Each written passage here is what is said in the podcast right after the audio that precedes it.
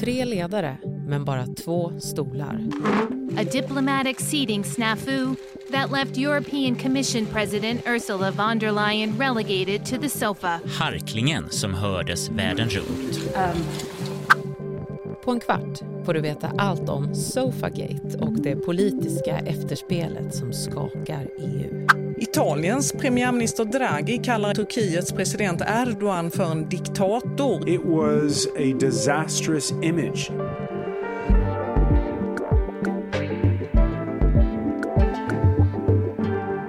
Det är måndag den 19 april. Jag heter Karin Bülow Orje och du lyssnar till Dagens Story från Svenska Dagbladet.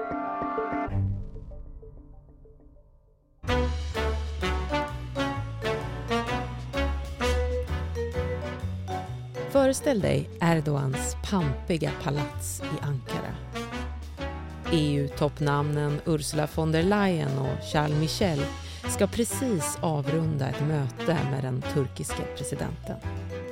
Kameralinserna är riktade mot trion. Fotograferna ska ta de traditionsenliga, viktiga personer sitter bredvid varandra och ler bilderna. De två männen sätter sig på varsin stol. Det finns ingen plats åt kvinnan i sällskapet. EU-kommissionens ordförande. Um.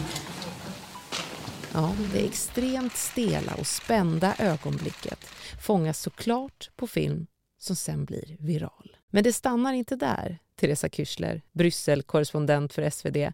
Den här händelsen eh, utspelade sig för snart två veckor sedan men det är ändå fortfarande den stora snackisen i Bryssel?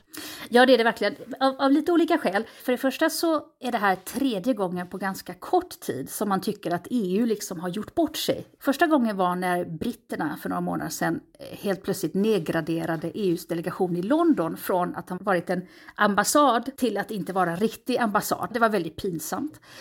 Sedan så var det när en annan representant för EU-länderna, Josep Borrell, åkte till Ryssland för han skulle tala hårda ord till den ryska regimen och, sådär. Och det visade sig att han gjorde bort sig. Han kunde inte svara på någonting och han fipplade med sina papper och, och kördes över helt och hållet.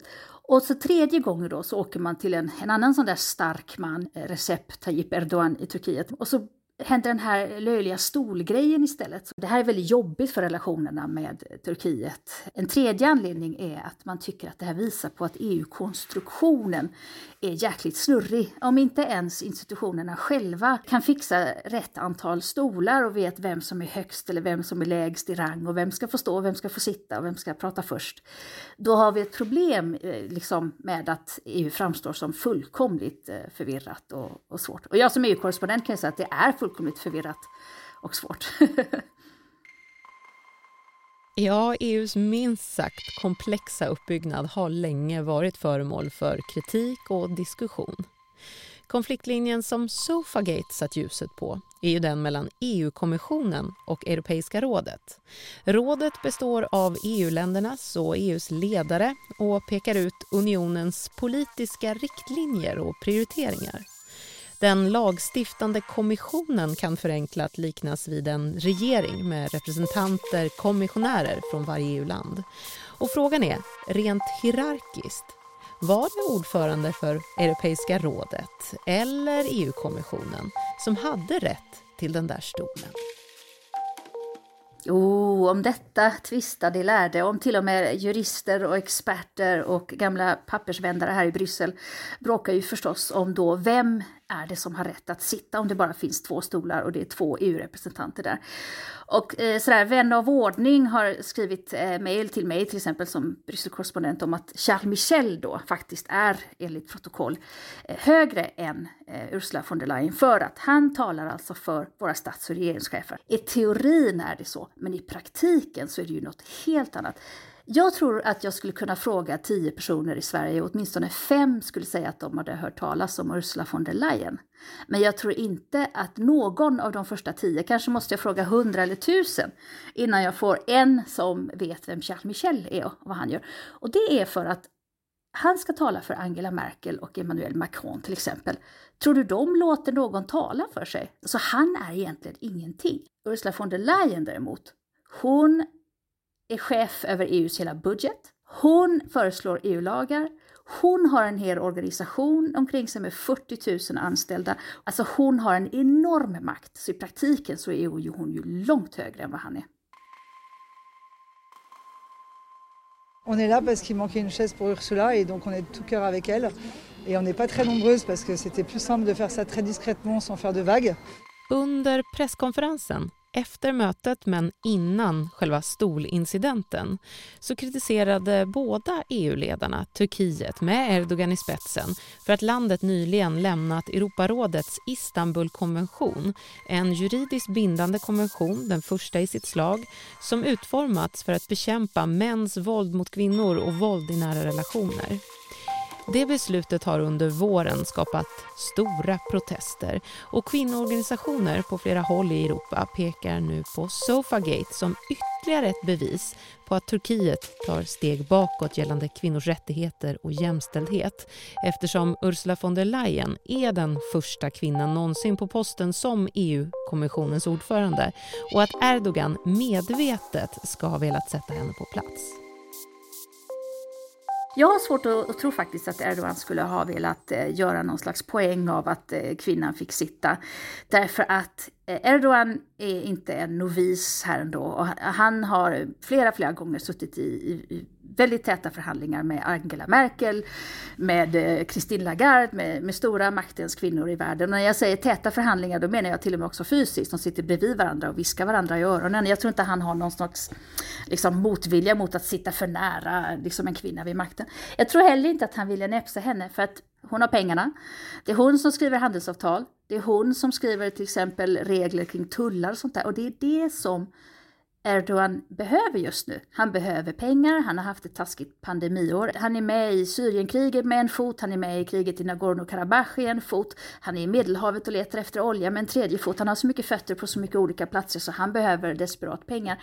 Och det får han ju inte om han bestämmer sig för att jag ska eh, liksom vara iskall mot kvinnan som håller i pengapåsen. Men om man tittar på bilder från tidigare möten där eh, båda EU-ledarna har varit eh, på plats, då har det ju varit sådär tre stolar uppställda med tre män som har suttit bredvid varann. Vad har Turkiet sagt efter mötet? Turkarna har svarat att de har bara gjort precis vad EU-delegationen på plats i Ankara har bett dem att göra. Turkarna har också insisterat på att de har inget som helst intresse i att hamna i konflikt i någonting som verkar vara, tycker de, en intern fråga om vem som är högst i EU och de har ingen lust att ge sig in i de där virvarret. Erdogan själv tror jag har väldigt lite att göra med stolplaceringar i sitt eh, jättepalats. Jag misstänker att Eh, Michels stab, när de var i kontakt med eh, Erdogans stab, att de eh, också liksom propsade på att jo men Michel är lite högre. Det är ju nya människor. Kom ihåg att Michel har varit på plats ett år och nästan varje gång de byter ut folk i, på de här maktpositionerna så kommer de in med nya hungriga pressmänniskor som kanske inte har den där fingertoppskänslan ännu. Men trots att Charles Michel och hans stab då eh, hänvisar till att att han då skulle vara högre i, eh, i rang här. När man ser på det här klippet som har blivit viralt så ser det väldigt stelt ut. Jag hänförs i alla fall av att, av att Charles Michel nästan ser ut att, att klamra sig fast vid den stolen där han har satt sig. Han har ju fått massiv kritik för det här också. Det är flera kvinnoförbund i Europa som har krävt Charles Michels eh, avgång. Det finns ett upprop eh, med än så länge ett par tiotals tusen röster i alla fall, eller underskrifter. Och det finns de i EU-parlamentet då som menar att det här är en uppenbar kvinnofrakt och det här måste vi ta itu med, med, med Turkiet. Jag tycker lite synd om Charles Michel. Han, han uttalade sig till slut efter en hel vecka av tystnad. Han visste ju inte vad han skulle göra. Han hade å ena sidan tanken att det här får inte eskalera. Vi kan inte göra det här till en grej. Liksom. Det blev det ju en grej för att han inte gjorde någonting, så att där tänkte han ju fel. Han fick kritik för att han inte helt enkelt bara erbjöd Ursula von der Leyen stol, lite chevalereskt sådär. Han kunde gjort en lite rolig min, kanske ett litet skratt. Jaha, se, se där, det saknas en stol. Ja, ja, men Ursula, då kan du få sitta.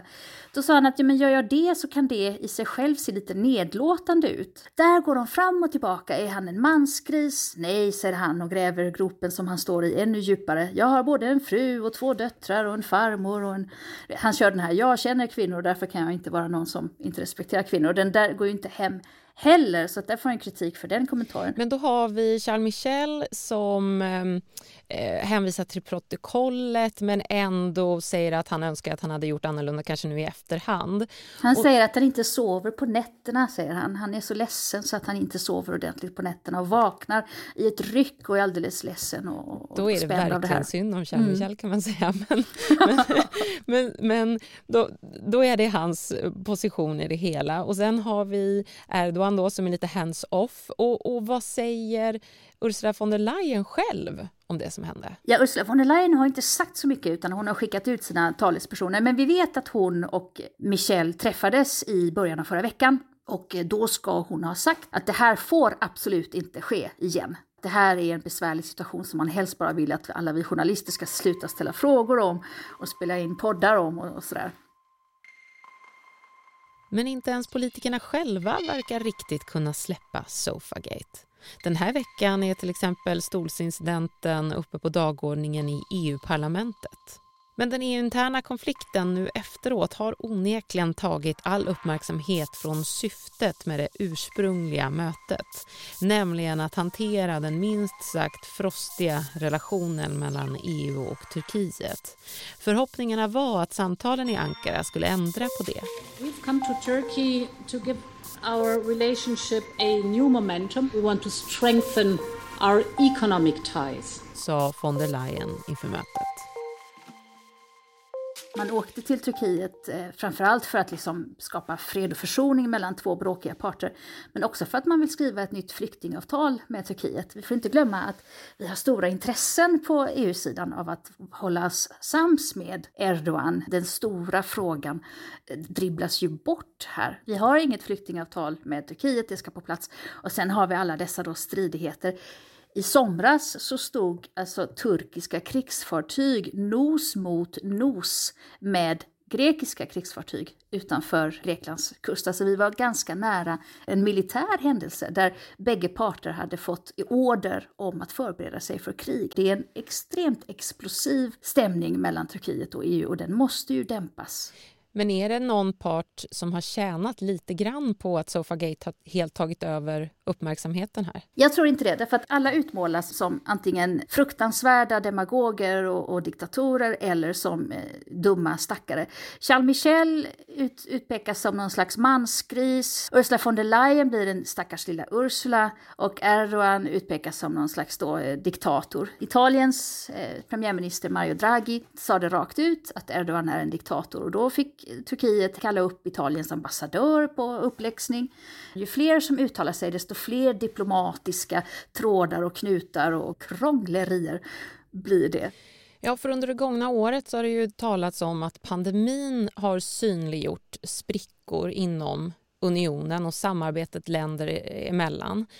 Har Sofagate synliggjort problem inom EU skulle du säga? Jag måste faktiskt säga att som, som någon som har bott i Bryssel i 20 år så är det varje år en ny anledning till att man tycker sig se sprickor. Om det inte är finanskrisen så är det eurokrisen och sen är det migrationskrisen och sen är det Brexit och sen är det ditt och sen. Varje år är det en ny kris och varje gång så kommer braskande rubriker om att EU spricker i alla sömmar och sådär. Jag skulle säga att det faktiskt inte stämmer. Sofagate eh, är alldeles för, för litet för att det ska bli en diskussion länderna emellan. Det som gör att den här grejen lever vidare, det tror jag att det är att det, det kopplas till ett, ett, en kvinnofientlig syn. Att man tillskriver Erdogan en kvinnofientlig syn, eller han och hans, hans folk. Och, man, och det är också, Ursula von der Leyen är också den första kvinnan som är EU-kommissionens ordförande. Hennes företrädare, Jean-Claude Juncker, han skrattade bort eh, hela grejen för några veckor sedan och, och sa att ja men jag har fått sitta på någon soffa ibland, ibland får jag en stol, ibland får jag en soffa, ha ha ha, ingenting, att, ingenting att, att, att rasa över tyckte han, sådär lite nonchalant. Och då föreställer jag mig att han som en man som har varit premiärminister i ett kvartssekel. Han är ganska van vid att få all tillbörlig respekt. Han, hans, han och hans position liksom kräver, men det kanske inte är samma sak för Ursula von der Leyen som, som har liksom kämpat sig fram i en i mansvärld. Men kommer det kunna leda till någon typ av förändring då? Jag tror att de nog kommer att skriva om ett, ett protokoll som de skickar ut varje gång de ska resa någonstans. När man liksom nystar upp den här skandalen så alltså, handlar den till slut om protokoll och massa trista pappersarbete eh, som någon borde ha gjort kanske. Men nu ska de träffas igen om någon månad tror jag och då, då kommer ju världspressen vara där och titta exakt hur många centimeter det är mellan alla personer på, på, på plats och sådär. Vi får se om de sköter bättre. Men det här kommer lägga sig. Tack så mycket, Teresa Kyschler, för att du var med och berättade om Sofagate här i Dagens Story.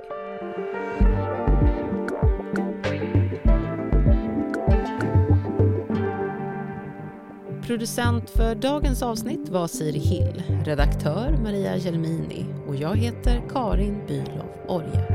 Dagens Story, 15 minuter varje vardag.